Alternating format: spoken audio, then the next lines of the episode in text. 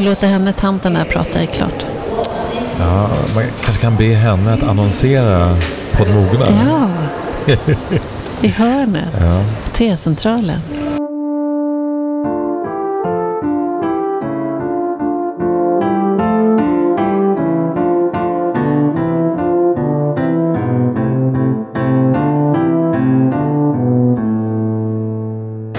Eh, hej Ulrika. Hej Ruben. Vi sitter på ett fik på T-centralen på tågstationen i Stockholm. Mm. För du är på väg. Ja, jag är på väg. Ja. Eh, efter vårt eh, möte med vår gäst som vi inte ska avslöja. Ja, det har vi faktiskt redan gjort. Det Ja. gjorde vi faktiskt i vårt första avsnitt. ja. Mm. Men eh, jag, tycker, jag tycker att det är lite... Jag gillar liksom att, att sitta så här och titta på människor som går förbi och människor med resväskor och människor ska resa och folk som kommer. Jag Ja, gillar- centralen är en väldigt speciell plats. ja, det är det. Alla är på väg någonstans. Ja. Mm. Var är du på väg? Ja, konkret menar du? Mm. Eller själsligt? Du får välja hur du vill svara. Jag ska sen ner till Malmö och repetera inför en skivinspelning och eh, bland annat. Ja. Åh, vad roligt. Ska Ja. du vara borta i Malmö länge? Nej, jag, ska, jag kommer hem på söndag kväll. Okej. Ja, men det blir väldigt, väldigt intensiva dagar. Eh, Vi kommer jobba från 9 till 10 på kvällen. Oj, oj, Från oj. 9 på morgonen till 10 på kvällen. Ja, men det måste bli så därför att det är en del grejer som vi måste arrangera själva. Mm, mm, Och vi ska också eh, kolla över en del texter och sådär. mm. Ja, så det är en del eh, arbete. Men det är väldigt kul. Det är väldigt kreativt. Vad roligt. Ja. Är du på väg någonstans? Eh, nej, alltså det var ju väldigt länge sedan. Alltså I mitt arbete, så, i vanliga fall, så är jag ju rätt ofta här på Centralen och Mm. på väg i något tåg. Antingen på väg hem eller på väg bort för föreläsningar eller så. Men nu är ju det länge sedan. Så att jag är ju väldigt sällan här numera. Ja. Jag känner mig som en främmande gäst. ja. Tänk vad fort det går. Ja. Ja. Nej, så att jag är eh, väldigt mycket i Stockholm. Ska, efter att vi har träffat vår gäst så ska jag vidare till, eh, eh, till en ledningsgrupp och jobba med Mm. reflektion. Mm. Där, man där de ska reflektera över sin tillvaro eller sin Mm. arbetsplats. Och, Över sig själva, sitt samarbete och ja. hur man kan öka kvaliteten i samarbetet tillsammans. mm. Mm.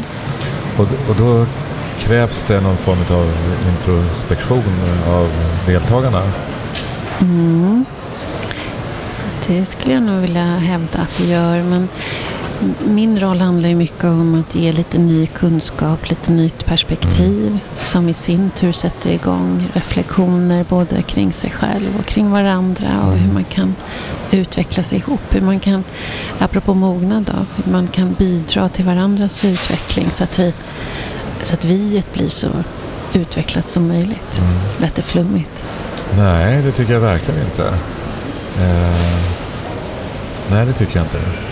Jag, jag tänker på eh, hur gör du distinktionen mellan eh, att det ska vara att det inte blir terapi? Mm. Jag är jättetrygg i den gränsen. Ja, Eh, Jag håller absolut inte på med terapi. Eller ja, nu håller jag ju på att utbilda mig till terapeut. Så precis. att, precis. precis som tid så får jag Ja. fråga kunden så här, vill ni ha terapi eller vill ni?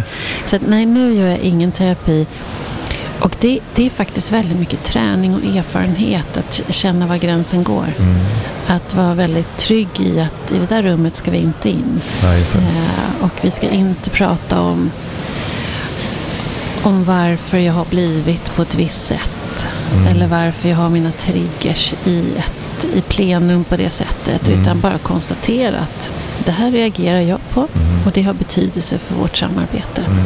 Så att, ja, nej, absolut ingen terapi. Nej.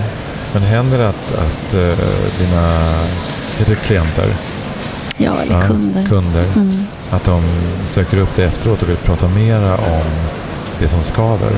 Absolut, och Ja. i en, enskilda samtal så kan man prata mer i, jag börjar oftast med att titta tillbaka för att vis, lite grann jobba med varför vad har jag med mig i min ryggsäck som Mm. påverkar mig i mitt agerande? Mm. Eh, och då händer det ju då och då, inte allt för sällan, att vi identifierar tillsammans en, en, ett problem, en utmaning, Mm. där jag kan tydligt säga att det kan jag inte bidra med. Mm. Utan eh, då rekommenderar jag en terapeut som jag vet är bra på just det här typen av frågor. Eh, Men det är, det är ändå så att, att, att det är frågeställningar som har med vad är det i, min, i mitt liv som gör att det ställer till problem på arbetsplatsen? Exakt så. Ja. Mm, och vad har jag med mig? Varför blir jag så rädd? Eller Ja. ett annat, eh, alltså om jag är van vid att jag hela tiden ska leverera svar, jag ska hela tiden Mm. eh, veta, eh, så kan jag bli väldigt stressad när jag inte vet. Och så Mm. kanske jag, då är min reaktionsmönster att jag far ut och kanske nästan går till lite attack. Mm. Och så, så kanske jag inte alls vill jobba så, utan det Nej. bara blir. Då kan vi jobba med hur ska vi hitta ett lugn, Mm. så att jag får tillgång till mitt förnuft och logik och inte bara blir eh, känslomässigt styrd, impulsstyrd. Mm. Det, det jobbar jag ju med Mm. till exempel. Det låter väldigt terapeutiskt om inte att det är terapi. Så är det i alla fall väldigt terapeutiskt. Ja, det, det är ju beteendeförändringar jag jobbar Ja, med. Absolut. Ja.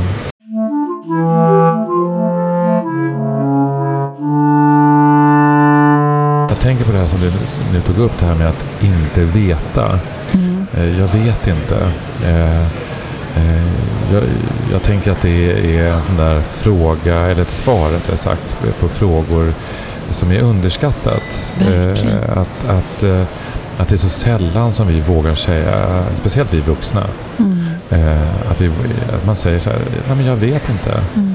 Eller det vet jag inte just nu men jag ska återkomma när jag tagit reda på det här. Mm. Eller det du frågar nu triggar mig så mycket att jag, jag blir nog tvungen att kan vi ses igen om en halvtimme? Mm. Att det finns någonting i det där eh, i, i, jag tänker på att vi, vi sitter här på T-centralen och folk går hit och folk går dit och det, det, det, allting går så otroligt fort i vårt samhälle. Eh, och också att vi hela tiden ska leverera. Mm. Eh, och att det, det här när någonting ska bero och få växa. Mm. Eh, det, det, tror att det blir, kan bli väldigt destruktivt. Men någonting, en annan association jag får när du säger sådär. Jag tror att det är svårare för en man rent generellt. För nu generaliserar jag, det finns massor med undantag. Men tror att det är svårare för en man att säga nej jag vet faktiskt inte. det tror jag också faktiskt. För jag tror att ibland, ibland som kvinna, nu generaliserar jag också jättemycket. Mm. Då räknas det inte riktigt. Att jag har förstått eller jag har sett. För då finns det en man i rummet som har sett och som har förstått. Ja. Eh, och då är det inte alls, då är det nästan det en, eh, det kan nästan vara en del utav det här könsrollsmönstret att kvinnan då inte vet, inte är säker, Mm. behöver tänka ett steg till Mm. eller reflektera lite till medan han vet, Mm. Har svaret. Men, men jag tänker att det, vi lever ju i ett eh, manligt paradigm. Liksom. Mm. Eh, eh, och just den här biten som du nu beskriver att det en kvinna kan svara jag vet inte. Men då I är det alla fall genom... fler kvinnor. Ja, Inte alla såklart, Nej. inte överallt, men jag tror Nej. ändå som grupp kvinna så tror jag att fler kan säga det. ja. Jag tror att det är svårare som grupp Ja. män. Eller? Men, men, ja, absolut. Men jag tänker att det är någonting i hela vårt samhälle idag som, som nog går att beteckna som att det här är ett, ett manligt paradigm där, där saker och ting ska levereras. Mm, Eh, att, att just att låta saker och ting bero. mm. Eh, det, det står inte så jävla högt i, i kurs. Nej, det är inte det man rekryterar. Nej. Någon som går runt och reflekterar och funderar. Nej. Eh, och det är klart att, att i vissa sammanhang så funkar inte det. Eh, I vissa sammanhang så måste man eh, leverera men jag tror att eh, på många platser, kanske på de flesta platser, så skulle det just reflektion eller en stunds fu- funde- funderingar eh, kring en fråga istället för att man är väldigt snabb på svaret. Att det skulle skapa ett värde i sig. Att det skulle skapa ett värde. Mm. Och jag tänker så här om man ska dra ner det på ett annat plan, alltså inte minst relationellt. Alltså i våra eh, kärleksrelationer när det kanske skaver. Mm. Att man inte eh, går in i givna mönster utan att man faktiskt funderar en stund innan man svarar. Mm. Eh, ja. ja, vad Mm. intressant. Mm. Ja, men hur är det ett sånt yrke som du har? I, eh, ges det mer utrymme där om du ska vara en karaktär eller det ska spelas en scen eller sådär att, att man säger så nej jag vet inte, jag vet fasiken hur jag ska göra det här. Det här, Mm. måste, jag, det här måste jag nog gå och tänka ett varv till på. Ja, absolut. Det, det beror lite grann på eh, vad för slags pjäs och vilken teater man är på och vilken Mm. tradition man kanske repar i också. Mm. Det finns ju olika sätt att repetera på. Men jag skulle säga så här att det, det finns en slags... Eh, eh, I repetitionen så finns det olika faser. Mm. Och först är det ett nyfiket eh, utforskande av karaktären och av eh, sina medspelare. Eh, och vad är det jag säger? Hur, hur känns orden? Och så vidare. Men efter ett tag så kommer man faktiskt, eller jag kommer ofta till en punkt där jag känner att nu är det tomt. Nu, vet, nu är jag inne i en skog som jag inte känner igen mig i. Eh, och eh, när jag var yngre eh, så tyckte jag att det var obehagligt. Idag välkomnar jag det för att jag vet att nu då har jag erövrat någonting. Och nu ska jag börja orientera mig i den här nya skogen. Men den fasen kan vara knepig. Jag, Därför du har ju inte bara dig själv att relatera till, utan det är en medspelare som också håller på med eh, en process. där. Ja, i skogen. Ja. I, sin skog. Ja, jag menar det. Det som jag, när jag hör dig eh, så tänker jag att det som skulle vara läskigt det är ju att när fan är jag ute ur skogen? Vad, sa du? Att, När, när, när kommer jag ut ur skogen? Att Ja. det skulle skapa lite stress i mig om man nu har en deadline. ja, Så bara, nej men vänta nu, jag är inte ute ur skogen ännu här. Eh, jag, förstår vad du säger och det händer en del och ibland eh, tycker jag att, eh, eh, att det är svårt att gå ut i den skogen när den kreativa processen är på högvarv. Mm. Eh, men eh, jag återkommer ju alltid till det här med att, försöka, att för min del att lära mig att sortera och ett, Mm. ett av mina bästa redskap är ju meditationen. Där jag kan sortera eh, eh, mellan de, de olika lägena så att säga. Att det går ju inte alltid att, eh, att komma hem och vara i den, den kreativa eh, repetitionsprocessen. Eh, och, sen, eh, och ibland så är det så. Ibland så, är, eh, så tar vissa processer väldigt stor plats. Mm. Eh, och det kan vara ansträngande både för mig själv men också för min omgivning. Mm. Mm. Så det. Men du, jag tänkte på det här som vi pratar om nu. Mm. Eh, om att inte veta. Eh, jag menade på att vi levde ett, ett manligt paradigm eh, där vi ska... Eh, oj, nu är det jättemycket folk som kommer här. nu går de precis där vi sitter. Eh, och att vi ska leverera hela tiden. Idag ska vi ju träffa en person som verkligen lever i ett sånt tryck, skulle jag vilja påstå. Ja, Och det är. Amanda Lind, vår kultur och demokratiminister, som vi ska Mm. få en timmes samtal med. Mm. Det vore intressant eh, att prata med henne om det här, liksom, om att inte veta Mm. eh, och vad, vad är en kreativ process för henne? Mm. Vad är hennes skog? Vad är hennes skog? Mm. Ja, Absolut. precis. Ska vi säga någonting om Amanda? Hon har Mm. ju inte alltid varit eh, kultur och demokratiminister. Utan det blev hon eh, 2016. Mm. Men hon har varit heltidspolitiker i ett tiotal år. Mm. Och eh, hon är, har ju också varit partisekreterare i Miljöpartiet. Mm. Eh, nej, nu sa jag att hon har varit kulturminister sedan 2016. Jag menar 2019. Innan Exakt. dess så var hon Ja. Partisekreterare. Mm. Och innan dess så var hon eh, kommunalråd i Härnösands kommun bland annat. Hon har haft Mm. många olika uppdrag. Och långt innan dess så pluggade hon till psykolog Just och jobbade inom psykiatrin. Det vore ju också intressant att veta om hennes eh, erfarenhet som psykolog. Mm. Hur det hjälper henne i hennes politiska vardag. Ja, och påverkar det överhuvudtaget. Ja. Hennes roll som politiker. Verkligen. Och, ska, nu, vi ska gå dit nu. Till men, Kulturdepartementet. Ja, men vi måste ju först till en annan plats först där vi ska våra väskor ska scannas och vi ska, mm. som, som på en flygplats. Mm. Och sen ska vi ledas av väktare ja. till, till Kulturdepartementet. Ja, det, är också en, det är också en verklighet. Det är verkligen en verklighet. Jag undrar om man får behålla skorna på. Tror du det? Eh, det återstår att se. Ja. Spännande. Jättespännande.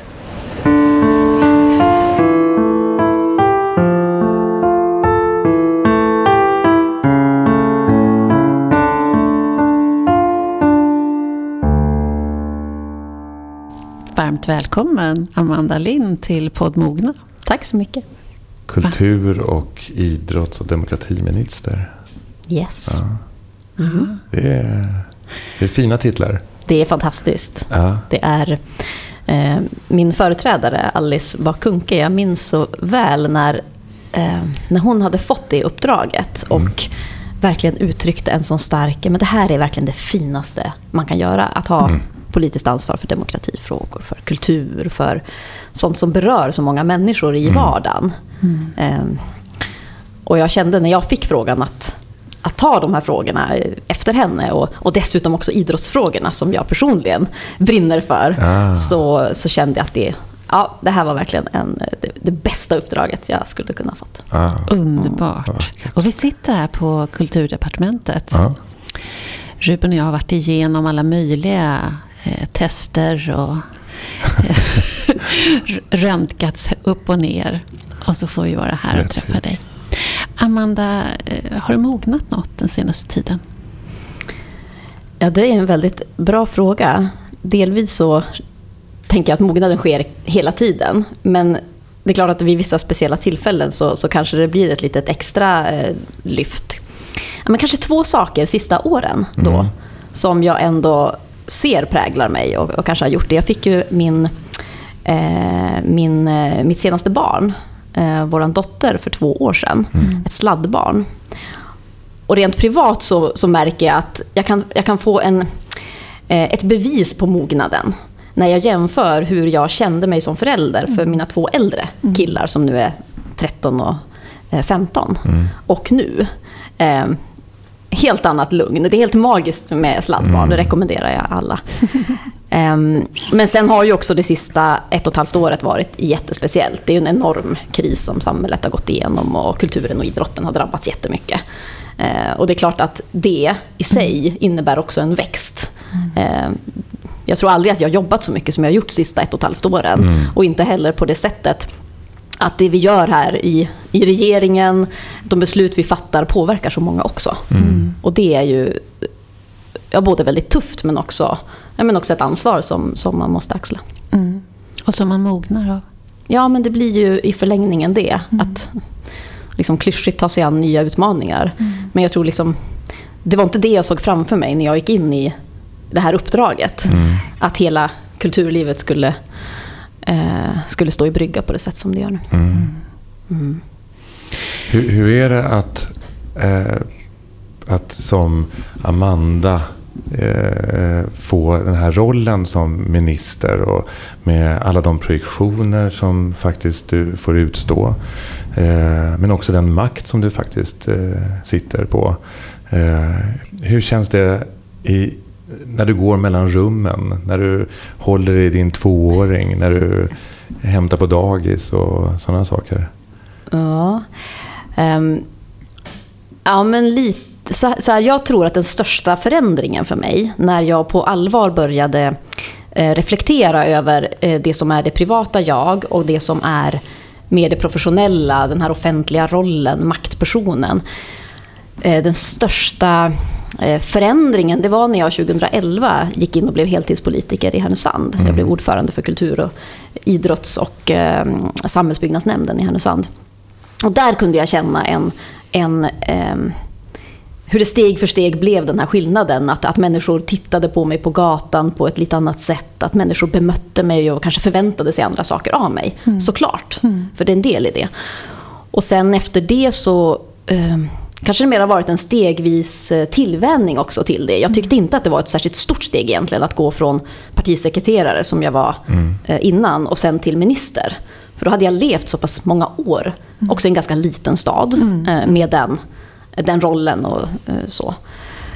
Ehm, Men sen är det klart det kan slå en i vissa, ja men till exempel nu i krisen, när det blir så, så uppenbart brännande att det är människors liv det handlar om. Det är människors försörjning. Det är människor som hör av sig till mig och, och faktiskt har tappat allt. Och jag, vill, jag lyssnar ju på de samtalen. Jag läser egentligen allt som skrivs och tar in det.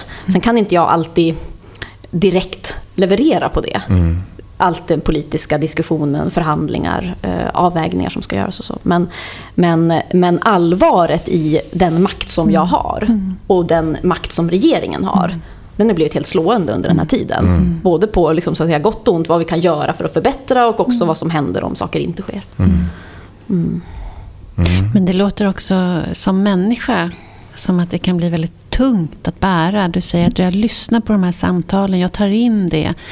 Att det måste också ibland kanske nästan kännas övermäktigt att bära. Att det, att det gäller verkligen att hitta ett förhållningssätt. Att du, du är också bara människa.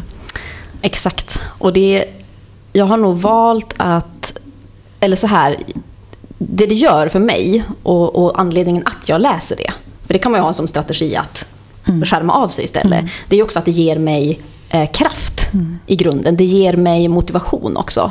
För det är någonstans det där som jag kämpar för. Och det tycker jag också är så viktigt när man har, när man, när man har heltidsförtroendeuppdrag. Att, att det liksom inte blir blasé. För det tror jag är jättefarligt om man... eh, Att, att, allt, att, att man tappar människors berättelser i det. Och, och kanske eh, tappar det här som gör att man kämpar in i det sista. Liksom. Sen innebär det att det blir mycket kamp. För man ser vad konsekvensen blir om man inte lyckas också. Eh, så det är klart det är tungt. Och att det här sista ett och ett halvt åren har varit jättetungt. Men också, det är inte för mig det har varit tyngst heller. Utan jag ser ju, jag är ju ett, någonstans ett, det här låter också konstigt kanske, men jag- är ju satt här för att, för att vara ett, ett redskap också och försöka göra så mycket bra som möjligt. Och det är kanske det som i grunden ändå gör att man, eller att jag ehm, också klarar av det. Eh, att att där är det en skillnad på funktion och person. Det är det. Jag går in med hela min person i uppdraget. För det är så jag vill vara politiker. Ehm, men sen har jag en funktion och det innebär inte att jag bestämmer allt och kan få igenom allt. Och det, Klart. det är där man, man måste landa till slut och känna att man ändå man gjorde vad man kunde och så får det vara. Och, och Så- väldigt... Och du kan, förlåt. Ja. Nej, men fantastiskt att kunna göra det oavsett vilken position du egentligen har. Att, att bara kunna landa i, ja men det var hit det räckte. Och det är bra. Ja. Alltså, hit, Jag fick en hit, ja. fråga en gång om jag är en hur jag är som vinnare och förlorare. Om man är en, en, en bra eller dålig vinnare, en bra eller dålig förlorare. Och vad innebär det egentligen? Men ehm, det går ju så väldigt fort i det här uppdraget. Det kommer ju nya frågor och nya fighter att ta också. Och eh, ja, men jag kan nog bli ganska frustrerad ändå när jag inte får min vilja igenom. Det vet mina medarbetare också hur jag kan gorma och slå näven i bordet. Så. Men, men, men sen gäller det någonstans också att inte fastna i det heller, för då kommer man inte vidare. Utan sen är det bara lite, lite nya tag. Sådär. Ehm, Men hur, Ja. hur gormar man och eh, ryar när man är minister? Alltså, hur, hur förhåller man sig till den position som du har och till dina medarbetare när någonting blir så här frustrerande? Jo, men och, och precis. Och det här tycker jag är ganska viktigt också. Ja. Att inte fastna i det. För att om jag skulle gå runt och älta och vara sur över någonting, så här, då sprider ju det en väldigt eh, dålig moral och energi Ja, kanske ja. också. Utan då blir det också ändå så här, okej, vi missade det här. Det här gick inte. Nu går vi vidare. Lite så. Okej. Så jag försöker också jobba på det faktiskt. Att, att lite grann släppa taget och, och ta nya tag. Ja. Det innebär ju också att, att kanske ibland att jag är lite för snabb att också landa i de vinster man har gjort och glädjas åt dem. Det är också något vi har pratat om ibland. Att så här, yes, vi fick den här satsningen. Nästa grej. och så stannade man inte upp och njöt riktigt Nej, av det. precis. Det här med att fira sina framgångar. Ja, så det är något jag försöker faktiskt att tänka att, att jag kanske ska bli lite bättre på också. Eh, så, att, så att man inte bara hoppar till nästa tuva direkt.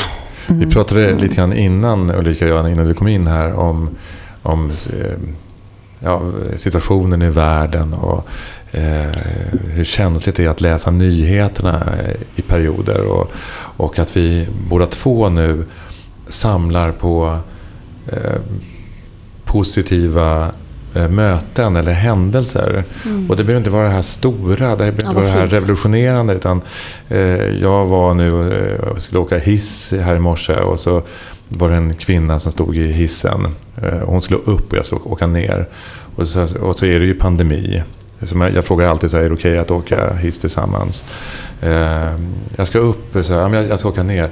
Nej men kom in i alla fall, nu när vi ändå äntligen kan umgås, sa hon. Eh, så kan vi prata lite grann på vägen upp, fem våningar upp. Så tänkte jag, ja men det här måste jag hänga på. Så gick jag in och så åkte vi upp fem våningar. Och vi pratade egentligen bara om inte mycket liksom. Mm. Eh, och så sa hon tack, det här förändrade min dag. Och så gick hon av. Och för mig också. Mm. Och jag tänker att det är de där, eh, och du berättade att du fick hjälp eh, med mm. väskorna av mm. Eh, främmande människor. Och mm. Sådana här små saker är rätt viktigt i de här mm. tiderna när det, det, är så mycket bombastiska nyheter av, av där vi känner oss så, så hjälplösa. Mm. Mm. Jättefint och också efter pandemin nu den här sommaren. Mm. Jag har verkligen försökt att suga in dem. Just de typerna av möten och eh, den här sommaren blev inte, i alla fall inte för mig och min familj, de, de stora resornas eller stora semesteräventyrens nej, nej. Eh, sommar.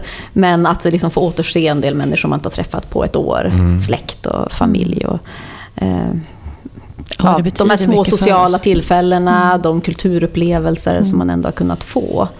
Jag tror aldrig att jag har känt mig så uppfylld av de eh, sakerna som den här sommaren. Jag tror aldrig mm. jag har gråtit så mycket över bara känslan att sitta i en publik och mm. uppleva, uppleva den här nerven. Mm. Sen har jag ju alltid, jag menar, det, det, jag har alltid fyllt den med känslor, men, mm. men på ett helt annat sätt. På en lite, lite mer sådär liv och död-känsla. Att mm. eh, det här som man har saknat, som man nu inser hur, mm. hur, hur viktigt det var.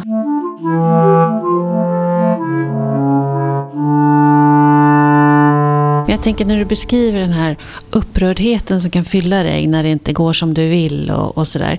Hur, hur förhåller du till meningsmotståndare som gör dig upprörd mm. och som gör dig eh, eh, alltså rent mentalt? Alltså hur, mm. hur hanterar du det Just för dig själv? Just det.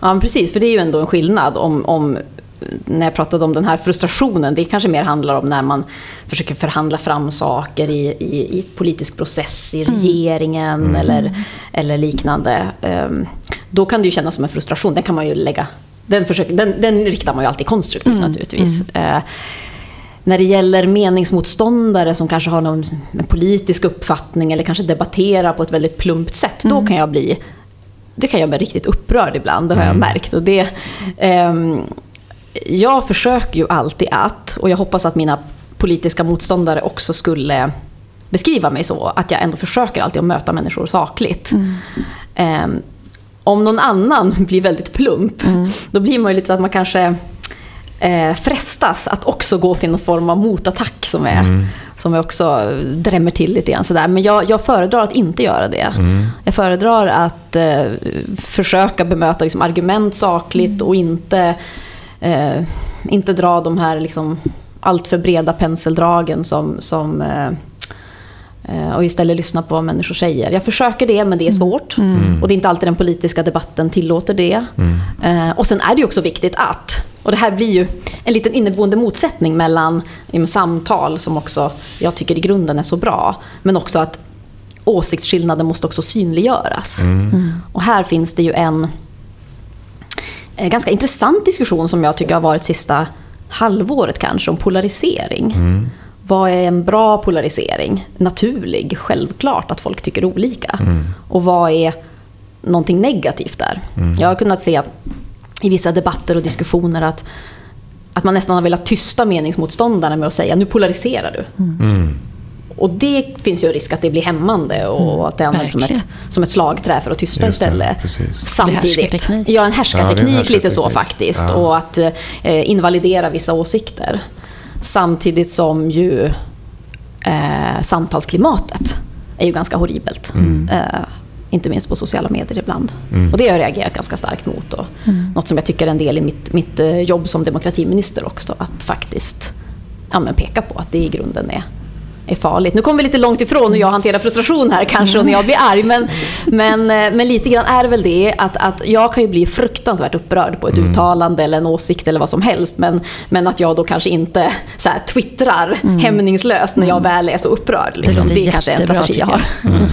så andas lite först. Men det är, det är ju en konst Alltså när vi triggas, för oss alla, när vi blir riktigt triggade, när vi tycker att det här är plumpt, det här är riktigt dumt, det här är illa. Och du skadar någon annan eller, eller så, eller skadar mig. Eller att, att ändå kunna åka upp i huvudet och bli förnuftig och logisk och mm. rationell och förhålla sig där och inte mm. bli så känslomässig. Det är ju en, det är en verkligen träning om man samtidigt vill ha känslan med sig som du beskriver. Om man samtidigt vill hitta energin i känslan. Ja, för det blir ju baksidan och det är väl det jag eh, liksom vill försöka få fram där också. Att vi får ju som inte hamna i att eh, att debatten eller diskussionen blir liksom frånvaro heller av, av känsla, av vilja, av ideologi mm. är ju i grunden en passion för någonting. Mm. Eh, oavsett om det handlar om så klimatförändringarna, världen brinner eller det som händer i Afghanistan eller mm. eh, för den delen liksom, samtalstonen på, på nätet. Det är ju saker som väcker känslor och som mm. gör att man vill förändra. Ja, mm. Det är en del i det hela. Så att, så att man kommer inte ifrån passionen Nej. i politiken. Nej. Och det skulle inte jag vilja heller. För då skulle man kanske inte ägna alla de här timmarna och, och, och dygnen och åren åt, eh, åt de, här, de här grejerna heller. Nej. Du är ju psykolog, Amanda. Mm. Eh, har jobbat, jobbade några år som psykolog innan du gick in fullt i politiken. Hur, är det en tillgång för dig? Ja, men det är en del av mig, skulle jag säga. Jag har fått frågor ibland och, som kanske mer handlat utifrån perspektivet så här, kan du läsa människor lite extra bra då i förhandlingar? Mm. Lite ni vet nidbilden som finns av vad psykolog egentligen mm. gör för någonting. Mm. Eh, men jag tänker att jag blev psykolog av delvis samma skäl som att jag älskar att vara förtroendevald. Mm. Eh, liksom att jag är intresserad av processer. Jag tycker det är jättespännande med, med mänskliga möten. Mm. Och att jag tror att det präglar mig och det sätt jag är politiker på. Mm. Att jag har en nyfikenhet. Och att jag vill försöka lyssna och förstå en människa. Mm. Eh, så. Um, det är ju mycket också, man, man, kanske tänker ibland att politik är rätt mycket de här debatterna, utspelen, förhandlingarna. Mm. Men det är också jättemycket att träffa människor. Mm. mm. Vi nämnde nu kulturarbetare till exempel, mm. som jag har pratat ganska mycket med det här året, som har haft det eh, som haft det tufft och vill dela med sig av sin historia. Men det, är ju, det kan ju handla om men allt från att träffa pensionärsrådet och prata om hur kulturen kan bli mer tillgänglig för, mm. för dem till alla de här or, alla resor man gör runt om mm. i landet och mm. ta del av verksamheter. Mm. Och, ja, men det uppskattar jag väldigt mycket och då, då kan jag känna att jag går in i lite samma mm, mindset kanske som mm. när jag jobbade som psykolog också. Mm. Att inte, ja men också det här med slentrianmässigt, att inte hamna i att bara mm. vara blasé utan att verkligen lyssna. Mm. Härligt, nu får jag 45 minuter här och få ta mm. del av kulturskolan i Vadstena. Mm. Det tycker jag är helt fantastiskt, att få den möjligheten. Och då vill jag verkligen vara närvarande i det eh, samtalet också. Um, det låter ju som fantastiska skills i ett uppdrag som politiker att ha med sig dem, att ha fått träna och utveckla dem. Verkligen. Men eh, kan du också använda det på dig själv också? Så att du kan eh, sortera och, och eh, vila. Hur vilar du? Hur vilar du hjärnan? Hur vilar du stressen av den, som, som jag föreställer mig? Ja. Eh. ja men det där tror jag, det finns väl i och för sig en bild också att psykologer kanske inte är de allra bästa på att eh, alltid värna sig själva eller vårda sig själva. ja, exakt. Precis så. Precis så ja. um, nej, men det har nog varit, det har ju varit en, en, en lärprocess för mig mm. genom åren. Absolut. Inte enkelt heller. Mm. Inte enkelt heller. Um, just för att hantera det här dygnet runt-flödet som det ibland kan vara. Det. Uh, så det har jag fått kämpa med periodvis. Mm. Um, om man pratar om mognad så kanske det har infunnit sig en viss mognad där. Att jag liksom lite mer vet vad jag behöver för mm. att kunna fungera som, som heltidspolitiker idag. Mm. Än om man backar tillbaka en fem, fem tio år. Mm. Men kan du stänga av också? Mm. Kan det vara så att nu är jag om jag får ta exemplet med din, din, din tvååring. Mm. Eh, nu är jag bara med, mitt, med min tvååring. Nu eh, får inte min pressekreterare höra av sig. Eller ingen får komma med, med eh, knacka på. Nu är det bara det här. Eller mm. går inte det? Jag tycker det, det, får man nog säga att det är lite svårt. Det, det går svårt. ju i korta stunder ja. naturligtvis. Nu mm. lägger jag ifrån mig telefonen en timme. Nu, mm. nu ska vi ta det här badet eller, mm. eller det här.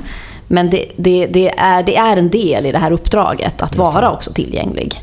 Um, men sen går det att lösa. Jag har ju medarbetare och mitt första år som kulturminister var jag också delvis hemma med barn. Mm. Jag blev ju gravid, eh, jag var ju gravid när jag fick det här uppdraget och mm. födde barn första året.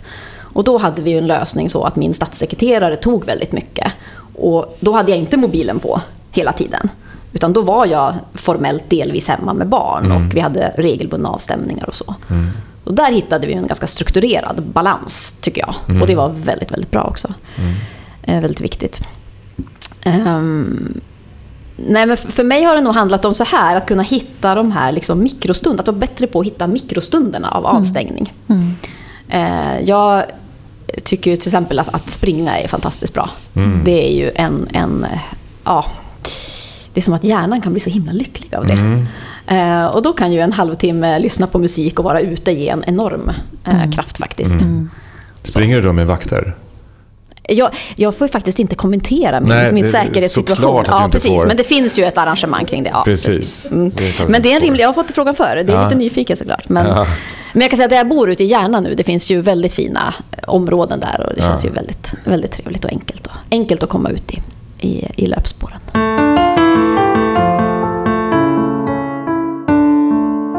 Jag tänker på mognad, Amanda, och när du beskriver ditt stora engagemang, hur du lyssnar, hur du ingår, du ser att det ingår i ditt uppdrag att alltid vara tillgänglig. Du tar visserligen mikropauser, men du är ändå tillgänglig.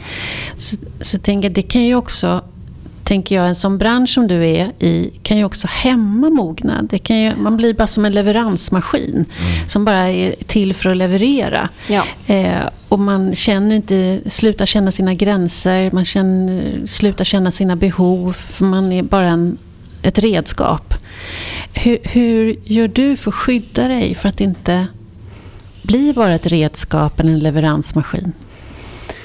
Ja, det är en bra fråga.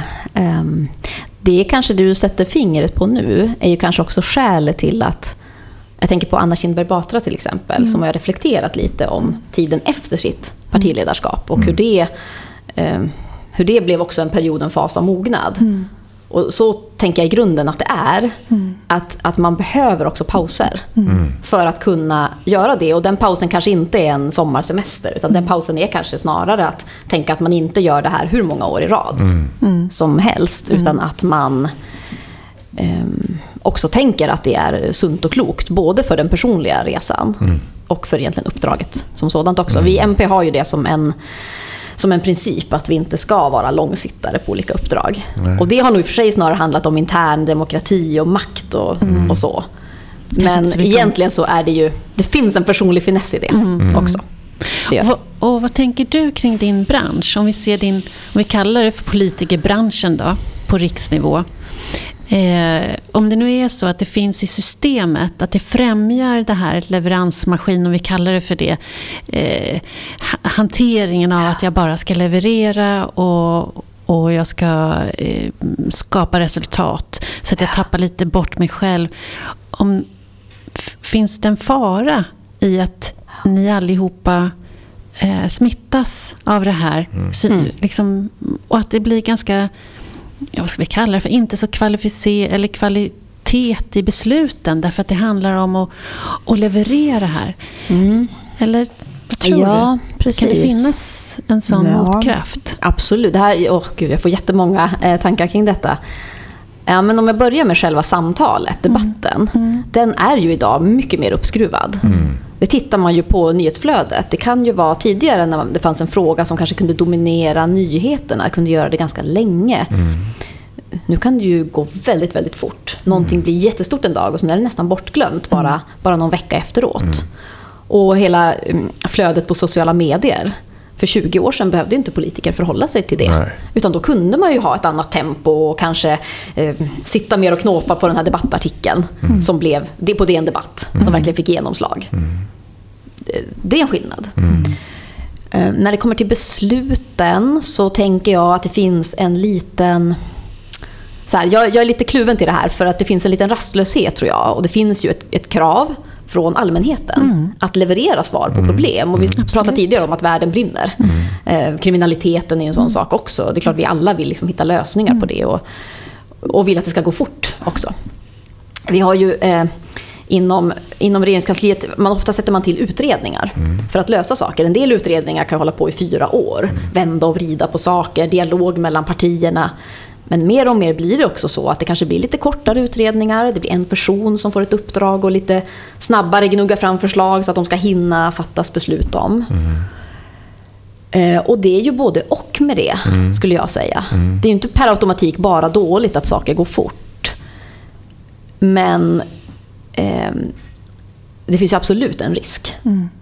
att, att det blir för mycket korta puckar. Mm. Och att de samtal som kanske skulle lösa ut saker inte mm. hanns med. Um, precis men det handlar också, branscher. Ja, precis som i alla mm. branscher mm. också. I politiken så blir de här opinionsundersökningarna, jag tänker också på, det är väldigt många opinionsundersökningar mm. hela tiden. Mm. Allt det påverkar partierna och partiernas inre liv. Mm. Kan skapa en stress på ett annat sätt än om det kommer en opinionsundersökning en gång i halvåret. Så, så att det finns flera faktorer som har liksom, tror jag, pressat på det här. Precis, och jag, jag tänker, du och jag Ruben brukar prata om, och även andra pratar ju om att till exempel när det är partiledardebatt eller andra debatter. Så ibland så skulle man, känner man nästan längtan efter att någon säger nej men det där kan inte jag riktigt svara på. Mm. Eller nej vet du vad, så har inte jag tänkt. Nej men vad intressant att du säger på det sättet. Att och det framförallt en... också att, att kanske också att man, eller jag kan längta efter en politiker som kan faktiskt ge ett svar och säga jag vet inte. Eh, får jag återkomma till det här? Eh, istället för att man, att man uppre, att det blir, eh, man hör att de är lä, eh, att ni är lärda hur man svarar. Ja. Att man upprepar, man tar eh, frågeställarens fråga och eh, rapar den en gång till. Mm. Det är ju genomskådat på ett sätt och, och en känsla av att, att just det här mänskliga, men, jag, jag vet faktiskt inte mm. att det är ett svar. Skulle, hur känns det? Eh. Nej, men jag, jag, kan bara hålla med i att ofta så, eh, ofta så är det ju inte så att svaren är icke-genuina. Mm. Men det här, och det här tror jag blir en, en, ett samspel mellan politiken och, och media och sociala medier här. Att eh, har du en debatt och du, du har 20 eh, sekunder på dig innan mm. programledaren avbryter och går vidare. Om du har börjat liksom lite längre, lite långsammare, har lite mer resonerande, då hinner du inte till din poäng mm. innan programledaren hoppar vidare. Mm. Och då uppfattades det som att du var mindre mm. duktig i den debatten. Mm. Och då blir det, det otydlig och får inte fram ditt budskap och, mm. och liknande. Då kan man säga att, att, att snabbheten och farten mm. Eh, inte gagnar egentligen samtalet. Den typen av eh, sådana debatter ja. är ju på ett väldigt speciellt sätt. Ja, det, det, det, märker man ju att en del gillar det. Mm. Det är lite ja. skådespel och så, och en del vill ha någonting annat. Ja. Jag tror väl på att det vore bra med lite mer mångfald av former och forum. Mm. Eh, för just den där formen är ganska svår att göra något annat mm. av. Mm. Och man vet också vilken insats det är om man mm. skulle uppfattas som svarslös eller inte kunnig eller mm, mm. Liksom, sympatiskt i grunden. Mm. Men vad blir konsekvenserna av det? Mm. Och där måste ju varje politiker göra en värdering. Liksom. Såklart, jag, jag förstår det verkligen. Men, men samtidigt tänker jag, har man andra forum för det? Det, det här är ju mycket sådana samtal som mm. kan ske bakom stängda dörrar mm. också. Där man väger och vänder och vrider och internt i partierna och, och sådär. Men eh, även där eh, liksom allmänheten får chans att möta mm. och se politikerna det. Det tror jag absolut vore bra. Mm. För då får man en mer kän mänsklig känsla och också lite mer trovärdighet kanske mm. i grunden. Jag tror att många, många, jag märker ändå att fler politiker är med kanske i poddar, lite längre mm. samtal, mm. använder sina ja, sociala precis. medier för det, det, och har sånt för att eh, få, få, ut det här på något mm. vis. Eh, men jag tycker det är en intressant tanke om det också skulle gå att hitta, hitta mer av det i de här lite större formaten. Mm. Jag tänker också att det är ett ledarskap. Mm. Att, att vi banar väg för andra. För jag menar, det här är ju inte bara inom politiken. Det här ser vi ju inom näringslivet. Det här ser vi ju inom, eh, bland journalister. Alltså i många branscher. Det här korta, snabba, man ska svara, man ska tala om, man ska ha sett ljuset, man ska veta svaret. Just det. Att, att eh, det finns väldigt lite plats och tid för just det här samtalet. Mm. Och att, Så det handlar också, tänker jag, om ett ledarskap. Att bana väg för att så här kan man också resonera eller tänka. Eller, mm, men det finns en baksida. För Jag tänker att som, som väljare, eh, inte som politiker, eh, så eh, kan jag känna en längtan efter det här mer mänskliga. Eh, som jag menar på då att just eh, svaret “jag vet inte” belyser lite grann. Ja. Att det inbegriper lite grann att, att eh, jag har full förståelse för att du är, har ett enormt ansvar som minister. Eh, men det är också så att, att det finns eh, områden där man kanske måste reflektera en stund. Eh, och, och jag tänker liksom att, att, eh, att vi alla har det ansvaret lite grann i det här samhället som går så fort eh, hela tiden. Eh, som har lite grann med mötet i hissen eller att man hjälper någon med, med, med väskan. Att det, att det är samma idé egentligen av att man stannar upp lite grann och säger Jag vet inte, kan jag få tänka på det här? Kan jag få återkomma? Eller, eh, eller att man resonerar sig fram. Inte just i en sån här eh, tidsbestämd debatt, Nej. det förstår jag ju såklart. Men att det finns eh, ibland eller jag får en känsla av att det finns en distansering på grund av att allting är så riktat och fokuserat och, och det ska produceras någonting hela tiden. Och då är det någonting av det här eh, humanistiskt politiska som försvinner för mig. Det är, det nog- det är nog det som jag efterlyser. Med, eh, där jag kan, i debatten längtar efter lyssnandet. Eh, inte bara att man driver sin, sitt partis fråga, även fast jag efterlyser ideologi också. Men att det finns ett lyssnande. Eh, där man verkligen lyssnar på även den som, man, som, som jag blir eh, som retar gallfeber på mig. Så kanske jag kan lyssna faktiskt en stund och bara känna, vad är det han säger? Eller vad är det hen säger? Men Eh, hur, i, i, vad händer med dig, Amanda, eh, i ditt arbete när du inte känner dig lyssnad på? Mm. När du känner som, men du hör ju inte vad jag säger. Att när du känner att... eh, Det tror jag det är en frustration som jag tror alla känner. Och det säger man ju också ofta till varandra i debatter. Det finns ju en tendens i, ja men det kan ju vara riksdagsdebatter eller annat, att man... Eh, det, det blir någon form av verbal boxningsmatch ändå, liksom, om man slänger argument på varandra som inte alltid är kanske fullt förankrade i vad som har hänt. Och så. För det, det finns inget intresse av det, det är inte det som är intressant. Ehm, men samtidigt vill jag säga att det finns ju motsatsen också. I riksdagen till exempel, då, då får jag till mig såna här frågor, interpellationer heter det. Där en, en ledamot från vilket parti som helst egentligen kan, kan skriva upp en fråga. Det blir från oppositionen. Och så, och så blir det en debatt om det. Och det där kan ju utspela sig väldigt olika beroende på vem man har på andra sidan. Om det är en mer konfrontativ person som eh, fultolkar lite eller lyfter fram saker som, på, ett, på ett väldigt hårt sätt. Eller om det är en person som snarare undrar, då kan, då kan faktiskt de debatterna bli lite av karaktären samtal också. För att man uppenbarligen vill, men det är ofta då att man vill kanske samma sak och man mer resonerar kring svårigheter och så. Det känns spontant väldigt sympatiskt de gånger det blir det. Sen kan det inte bli det alla gånger. Men, eh, ehm, Men det finns något ja. fint i det. ja, men det gör ju det. Naturligtvis gör eh, det. I den här podden så brukar vi prata om ja, men hur får man människor att växa? Hur får man grupper eller samhällen att mogna? Eh, när blev du vuxen, Amanda? Ja, men jag tror att eh, två tillfällen då som kanske ändå mentalt eh, att jag, jag kan se en, en, en, en mognad. Ehm, det första var nog ändå de två åren när jag fick mina första barn. Då märker jag en ganska tydlig före och efter. Eh, Jag hade också två bonusbarn som bodde hemma då. Så då gick jag ganska tydligt från att vara bara jag och min resa och mina äventyr och min utbildning till att vara jag som mamma och bonusmamma och den här familjen. Och fyra som barn jag, är en. Ja. ja, som jag är en del i att hantera. Ehm, det var ganska tydligt. Men sen, måste jag, sen har jag ju alltid varit lite kanske lillgammal. Alltså jag har stora syster och jag kände alltid att jag delvis alltid haft det här vuxna stråket, det mogna stråket. Ehm, nej men och sen, sen kom jag tillbaka till också när jag väl fick eh, ansvar som, som politiker. När jag satt där med ordförandeklubban i handen i Härnösands kommun. Och jag minns hur, hur känslan var, mitt första beredningsmöte. Det, här, det här kommer jag tillbaka till ibland. Hur, hur jag satt där med tjänstemännen runt mig. Och jag hade ju gjort det tidigare, mm. suttit med runt bordet fast som ledamot eller mm, så. Och när alla blev tysta mm. och tittade på mig. Och jag fick den här känslan, ja nu är det jag som leder, nu är det jag som ska säga något och styra mm. det här samtalet framåt.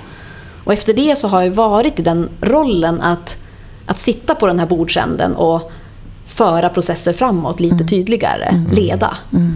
Det, det har gjort någonting med mig mm. mentalt mm. ändå. Eh, en successiv utveckling. Men, men de två tillfällena eh, skulle jag nog säga har varit ganska definierande mm. ändå för mig. Och det är väl det som är lite kul med sladdbarnet nu, för att återkomma till henne. Att då händer det bara när jag är i en annan fas i livet. och då blir det en njutning av det på ett annat sätt. Vad häftigt. det är lite häftigt. Men, men det, förlåt, går du? Nej, men jag, jag jobbar ju, träffar ju många chefer i mitt arbete och jag jobbar mycket med chefshandledning. Och något återkommande tema det är att förstå att jag som chef har en slags megafon framför mig. Att eh, många har Eh, sagt mig att eh, ja, men jag, hade, jag förr bara slog bara en idé. Eller jag, jag bara sa att det här kanske skulle kunna vara något kul. Och, och sen så har andra uppfattat det som en order. Och så helt plötsligt så sätts det igång saker. Och så finns det underställda chefer som undrar varför kommer högsta chefen här plötsligt och beordrar saker. Mm. Och det, det var inte alls avsiktligt. Är det någonting, en, en upplevelse du har haft? att Oh ja. Att, va? Jag fattar inte att det var... Ja. Var det den Amanda de lyssnade på? Jag bara... Ja, jo men det där... Det där ja, exakt. Det verkligen har varit en resa. Absolut. Att inse att man, man sitter aldrig och fritt spek I vissa rum måste man kunna ha det. Mm. Det tycker jag också är viktigt. Och det tycker jag att jag kan ha med min politiska stab till exempel. Här. Då mm. kan vi sitta och fundera och eh, liksom försöka ha, ha ett sånt eh, ett sånt klimat där alla kommer med idéer. Mm. Men sen så, så finns det ju forum och sammanhang där, där det absolut är så. Och det är både att inte trampa över gränsen, det är ju en klassisk ledarskapsfråga. Att inte springa ner i linjen och runda eh, liksom linjechefer på olika mm. sätt. Det där, ehm, eh, det där har jag gått på några betor på också och det där är nog viktigt också. Att få den feedbacken också. Att mm. gör du sådär Amanda, då uppfattas det så. Mm. Så det har jag också uppskattat de gånger då faktiskt människor har mm. eh, reagerat eh, och hjälpt mig i, mm. i, att hitta rätt där. Vill du dela med dig mm. av något? Något exempel som du kom på? Eller? Ja, nej men, ja, dels så, nu kommer jag tillbaka till Härnösand, men dels det naturligtvis, jag hade ju en förvaltningschef, jätteviktigt att ha den dialogen löpande. Mm. Uh, ibland tog jag dialoger med enhetscheferna utan att förvaltningschef var med. Mm. Det funkar inte. Så det lärde jag mig ganska snart. Det här måste alltid, man måste alltid ha linjen mot mm. den översta chefen. Är man överens, då kan man, mm. kan man hantera det.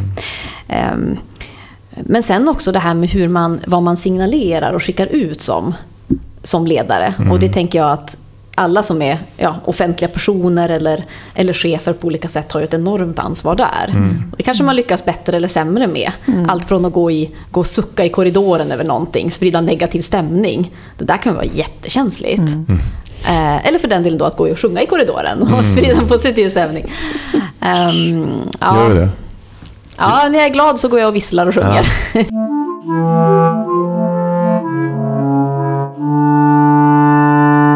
Återknyt lite grann till vuxenheten. Mm. Och, och, hur vi vux, och du sa att du var brådmogen och, och så vidare. Jag var också lite eh, brådmogen eh, på grund av att min situation krävde det.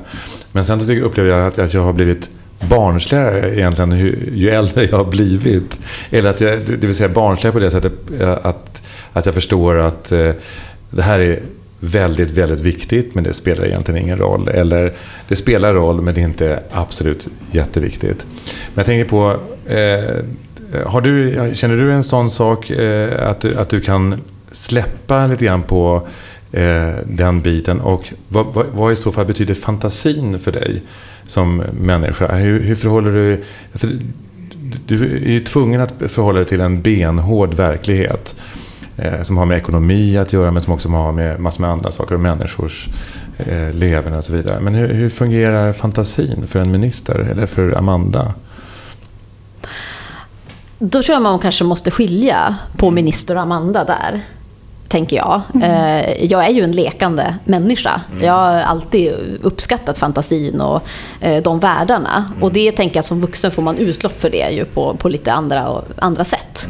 Eh, jag älskar att leka med mina barn. Tycker det har varit fantastiskt roligt att dela dela uppväxtvärlden med dem. Mm. Det blir ju ett härligt uttryck. Men sen eh, om man tänker liksom fantasin i bred bemärkelse tycker jag då kommer man tillbaka till, tror jag, lite grann det här med nyfikenheten och mötena med människor i samtal och så. Mm. tycker jag kan vara helt... Eh, det är ju saker som inte är på förhand bestämda. Mm. Och det tror jag är så viktigt. Att det mm. hela tiden eh, kan väckas nya tankar, nya idéer, nya intryck. Det är ju ett sätt som jag... Det är, ja, fantasi, är det fantasi eller inte? Ja, det är det ju delvis. För det handlar ju om att föreställa sig någonting annat. Mm. Och att hitta vägar att nå det. Och mm. att vara öppen för nya saker. Och det kanske ändå är lite fantastiskt med de här också uppdragen, det att det är en del i det. Men jag det kanske inte är riktigt det du... Inte, du, egentligen inte, nej. för jag tänker att, att, det där är kreativitet. Det är kreativitet. Ja, och ja. det hänger ju väldigt starkt ihop med ja. fantasi såklart. Ja. Men jag tänker, vad är... Finns det någonting i din, i din gärning som minister som inte är så Eh, fokus. Eh, gör, gör ni saker, gör du saker som inte är, behöver ha eh, det behöver, det behöver inte uppvisa något resultat. Utan det är att det finns ett annat värde i det du gör med dina medarbetare eller för dig själv eller dagligdags. Där fantasin har en stor roll. Oh, jag försöker fånga vad du säger här ja, jag förstår. Det är lite svårt ändå ja. att greppa. Ja. Ehm, jag förstår inte heller riktigt. Nej, Nej jag förstår precis. ja, exakt. Försök igen, en gång till. Nej, jag tänker bara hur, mm. hur man får in fantasin. För, för mig är fantasin ja. någonting som inte behöver Eh, levereras. Det är ingenting som... Vi behöver inte vara... Eh, vi behöver inte lägga fram någonting, någonting färdigt. Utan det är någonting som finns för sitt eget värde. Och jag tänker den värld... Jag mm. föreställer mig att den värld du lever i är så ja. otroligt fokuserad på att leverera olika saker. Ja. Och är tvungen att göra det. Och att det finns en, en motkraft i fantasin. Mm. Som kan tillföra frågan någonting. Är om, ja, men frågan är om det du är ute efter lite är är symboler man jobbar med också som politiker. Eh, värderingar man skickar ut. Det handlar ju inte alltid om resultat. Nej. Utan det kan ju handla om mer så här, eh, tal man håller. Mm. Eh, hur man och vilka, vad man lever, skickar ut på sociala medier. Mm. Det är ju, kan ju vara en leverans, men det kan också vara att försöka vidga blicken och tanken lite grann mm. till inte bara handla om sakfrågor. Jag tror ändå inte riktigt att det är det, det du menar. Nej, um. kanske, kanske inte riktigt. Alltså, jag, fick en bild när du mm. pratade nu här, mm. om du sätter i ett, ett, ett arbetsutskott med, med, din, med dina ja. kulturer. Ja. och att, om vi istället, sjunger då för att få en annan... ja, om ni, om, jag hade en lärare till exempel. jag hade en lärare en gång i tiden som alltid kom in och började varje klass med att spela tvärflöjt. Oh, eh, ja, och det hade ingen betydelse. Ja. Han kom in, spelade i 30 ja, sekunder, fint. 45 sekunder och sen så började man med lektionen. Och det, mm. det lever fortfarande med mig. Med mig. Mm. Eh, jag tänker så här, kan ni börja ett möte med att säga nu ska vi rita, här har ni lite kritor. Eh, och så ritar man en stund och så ser man vad, vad, det, vad, vad, vad hände här? Mm, och förstår. kan det tillföra någonting till det mm. arbete som ni gör? Mm. Så tänker jag. Ja, okej. Okay. Men då, då kan jag förstå lite. Ja, men kanske så här då. Inte kanske som minister mm. när jag sitter med eh, medarbetare på departementet. Däremot så har jag förmånen att, att ha vara på kulturdepartementet. Så den här kreativiteten, det är faktiskt när vi har våra stora samlingar med mm. departementet så är det alltid personer som sjunger ah, eller spelar fint. eller kanske har skrivit något. Ja, det finns. Och det tror jag det här departementet skiljer ut sig mm. lite kanske. Eh, men däremot när man backar tillbaka till partiarbetet, mm. de liksom interna processerna där, ja men där kan man ha den typen av övningar eller eh, liknande. Liksom. Mm. Om man börjar i en tomhet lite mer och andra utgångspunkter. Mm. Där, där kan man nog hitta det. Mm. Men det blir ju ändå lite mer av så här, som en del i en process kanske. Just det. Ja. Mm.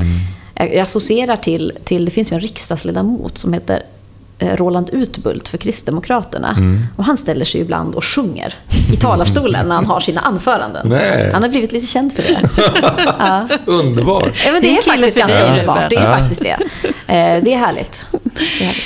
Underbart. Vi ska börja runda av lite. Mm. Och eh, det, det på, som precis som du var inne på Amanda, det, det pågår ju nu en, en debatt och det finns en råhet i, i klimatet. Men det finns också en diskussion om det här med klass och orättvisor. Vi har haft en sommar med mycket skjutningar. Det är barn som skjuter.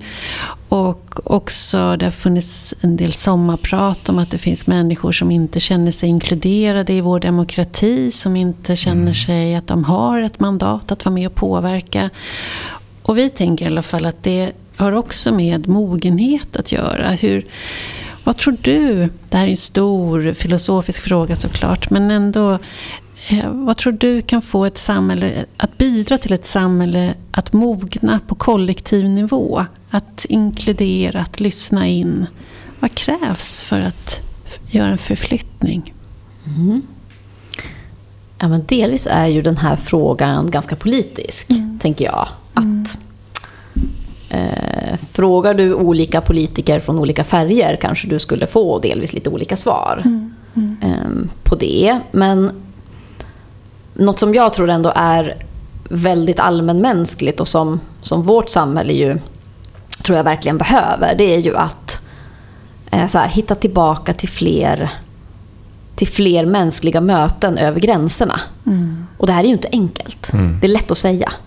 Men vad är det då egentligen? Jag, jag eh, tänker till exempel på eh, engagemang i föreningslivet. Mm. Eh, jag tror ju att det är en, en, en fantastisk nyckel, jag vet att det är en fantastisk nyckel för, för samhällen som eh, klarar det.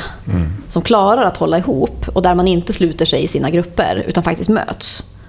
Men det är ju någonting, en utveckling nu som jag ändå är lite bekymrad över. Eh, man har kunnat se att av det, alla de timmar som läggs på, på socialt arbete mm. eller på, på engagemang i föreningslivet så är det fortfarande lika många timmar. Vi är ett väldigt liksom, aktivt folk. Mm. Eh, ett, ett, aktivt samhälle. Men det är färre som gör det. Mm. Och det där tänker jag ändå är lite oroväckande. För att då innebär det att fler och fler kanske ser, nu blir jag väldigt ideologisk här, men att man snarare kanske köper sig eh, engagemang för sina barn, man köper en kurs, man eh, mm. köper en upplevelse, man är inte medskapande riktigt i det. Mm. Eh, det har inte gått så långt, vi har fortfarande det här. Men, men jag tänker att om vi ska bygga ihop samhället, mm. för vi pratar om, om segregationen till exempel mm. och utanförskap då, så behöver det här ju prägla samhällena mer än idag. Mm. Och vi har en utveckling som går snarare, som jag ser åt fel håll mm. där. Och då... Um, nej men någonstans blir det risken att man tappar i grunden engagemanget för det gemensamma samhället. Mm, det, det, är därför är jag, det som är vi, det som är viet. Mm. Och det här där viet, tänker jag, det är också någonting som jag hoppas att det är något som faktiskt de allra flesta politiker i alla fall kan tycka är väldigt bra. Mm. Och som kanske att man lyckas delvis mer i vissa mindre städer, vissa mindre sammanhang. Mm. Um, men, men, här skulle jag ju vilja se en utveckling då, då, vi snarare gör mer av det. Och det kräver ju ansträngningar som är både ekonomiska såklart. Mm. Så här, resurser för att, för att göra det här. Uh, men det är ju väldigt mycket en inställning också. Mm. Det är jättemycket en inställning. För det, det kommer ju inte riktigt av sig självt heller. Utan, utan det kräver det här lite extra. Mm. Liksom. Det kräver lite mm. extra, men jag tänker också att det kräver mindre rädsla. Att mm. jag välkomnar min granne, att jag mm, hälsar mm. istället för att jag är rädd för min granne. Ja, det, exakt Att också skapa en, en ja. och det gör vi ju alla skapare av, men att skapa en mer trygghet där vi mm. bjuder in varandra istället för att vi blir rädda för varandra. Ja, och det får man ju mycket mer om man sitter där och, och, och tittar på barnen spela mm. fotboll och gör någonting sen tillsammans också, och engagerar sig ihop med andra föräldrar till exempel. Då byggs ju de här broarna. Så här, och, och det här är också, det låter som lätt klyschigt. Det är inte så att föreningslivet löser alla problem. Men det är någonstans där som det handlar om att bygga, bygga samhället genom relationer. Mm. Och det tror jag ändå är det som, det som krävs. Mm.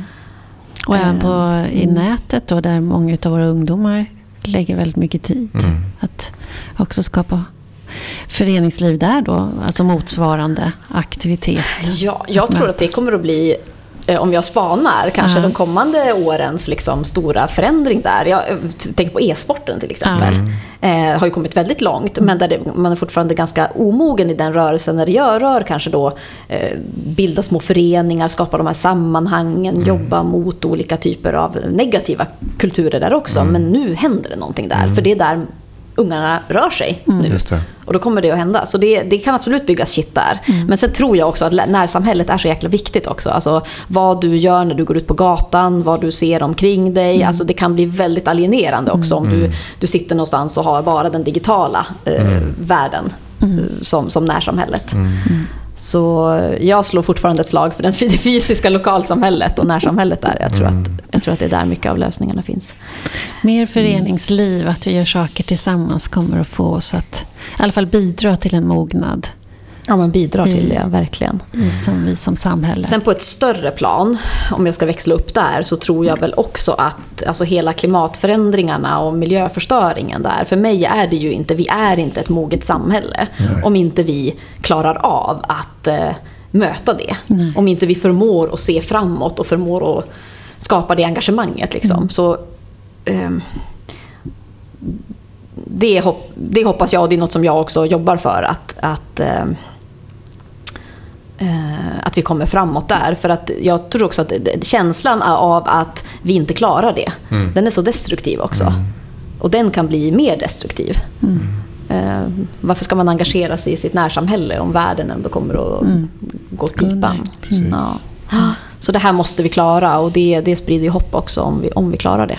Um, men där Mer behöver vi komma mycket, mycket längre. Mm. Mer hopp och mer ansvarstagande. Mm. Just det. Tack Amanda Lind för att du kom till podd Mogna. Tack. Tack. Tack. Tack så mycket.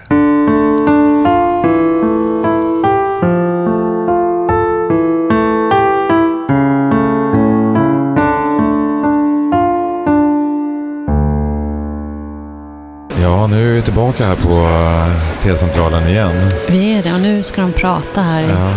Men tack Amanda Lind, Tack Amanda Lind. Sveriges kultur och demokratiminister. Tack. Tack för att hon tog, tog sig tid och pratade så länge med oss. Hon tog sig tid och hon... Det kändes verkligen som att hon reflekterade över frågorna. Mm. Det var ett väldigt fint samtal. Ja. Jag, jag tänker att det är ju ändå speciellt när vi kommer och vill prata om personen Amanda Lind när hon är liksom minister. Och ju- dessutom på departementet, vi är inte hemma hos henne. Vi Nej, är ju i precis. hennes profession. Ja, precis. Mm. Så det, det, det, det, det, det, tål att, sä- att sägas och ta, ta i beaktande när man lyssnar på det här samtalet. Jag tycker att det var ett väldigt fint samtal på det sättet att, att eh, utifrån hennes position så verkligen eh, försökte hon förklara eh, hur det var att vara klädd i ministerrollen. Ja. Någonting som jag bär med mig är att hon får jobba med, eller att hon använder sig av mikropauser. Mm. Någonting annat som jag funderade över när hon sa att, eh, att hon hade lyssnat till eh, Anna Kinberg Batra som reflekterade över sin mognad efter att hon hade lämnat politiken. Att, eh, att det politiska klimatet är, eller uppdraget är så tufft. Mm. Du tänker på att det, att det är svårt att, eh, att man måste ha en, ett perspektiv på... eh, Ja, det ställs så väldigt höga krav på en. Ja, Såklart. ja. Det är en otroligt viktig position och Ja. det är ett enormt ansvar. Så jag har all respekt för det. Men Men tänker du, eh, när du refererar till Kinberg Batra, att, att man behöver eh, en distans för att kunna se hur man kan utveckla eh, vissa tankar vidare än vad man kan när man är mitt uppe i allting? eh, det var den slutsatsen jag drog Ja, när ja. Amanda hänvisade det, till just det. Just det. Att eh, det kanske inte är möjligt under ett sådant uppdrag. Utan också det som Amanda hänvisar till att Miljöpartiet just har en, har en eh, slags eh, princip av att man inte ska vara kvar för länge. Just det, just det. Utan att man behöver kliva in och kliva ur Mm. politiken. Mm. Tänker vad det gör. Vad, nu pratar vi just minister, men det finns ju också många andra uppdrag. Vad de, vad de gör med oss människor. Mm. Hur, vad tänker du då? Alltså, Mm, Nej, men ponera nu att det är så. Att det är, det, det är en, en, ändå en...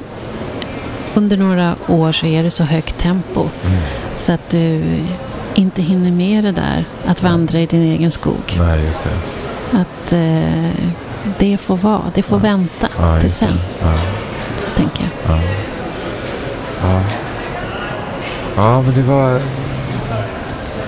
Det var ett fint samtal. Mm, mycket fint. Verkligen. Du, vi har ju en sak till att annonsera faktiskt. Ja, Och det är ju att Arthur äh, Engel är inte med oss eh, som krönikör. nej. Utan han är för upptagen helt enkelt. Ja, Eh, för att, eh, men eh, vi saknar honom. vi saknar honom. Vi uppskattar honom. Ja. Och vi ska snart äta middag med honom. ja, det ska vi göra. Mm, det ser vi fram emot. Ja. Ja, men eh, han är också öppen för att han kan flika in lite då och då. Så Ja, vi får väl se. Vi kanske får lite mikropauser med Ruben, vem vet? Ja, med. Ruben, Arthur. Med mig. Ja. Vi får ganska långa stunder med Ruben just tycker Ja. Nej, med Arthur, precis. Jag fattar. Ja, men vad bra. Mm. Tack för idag. Tack så mycket och varmt lycka till nu på din resa. Ja, tack. Hej Hej då.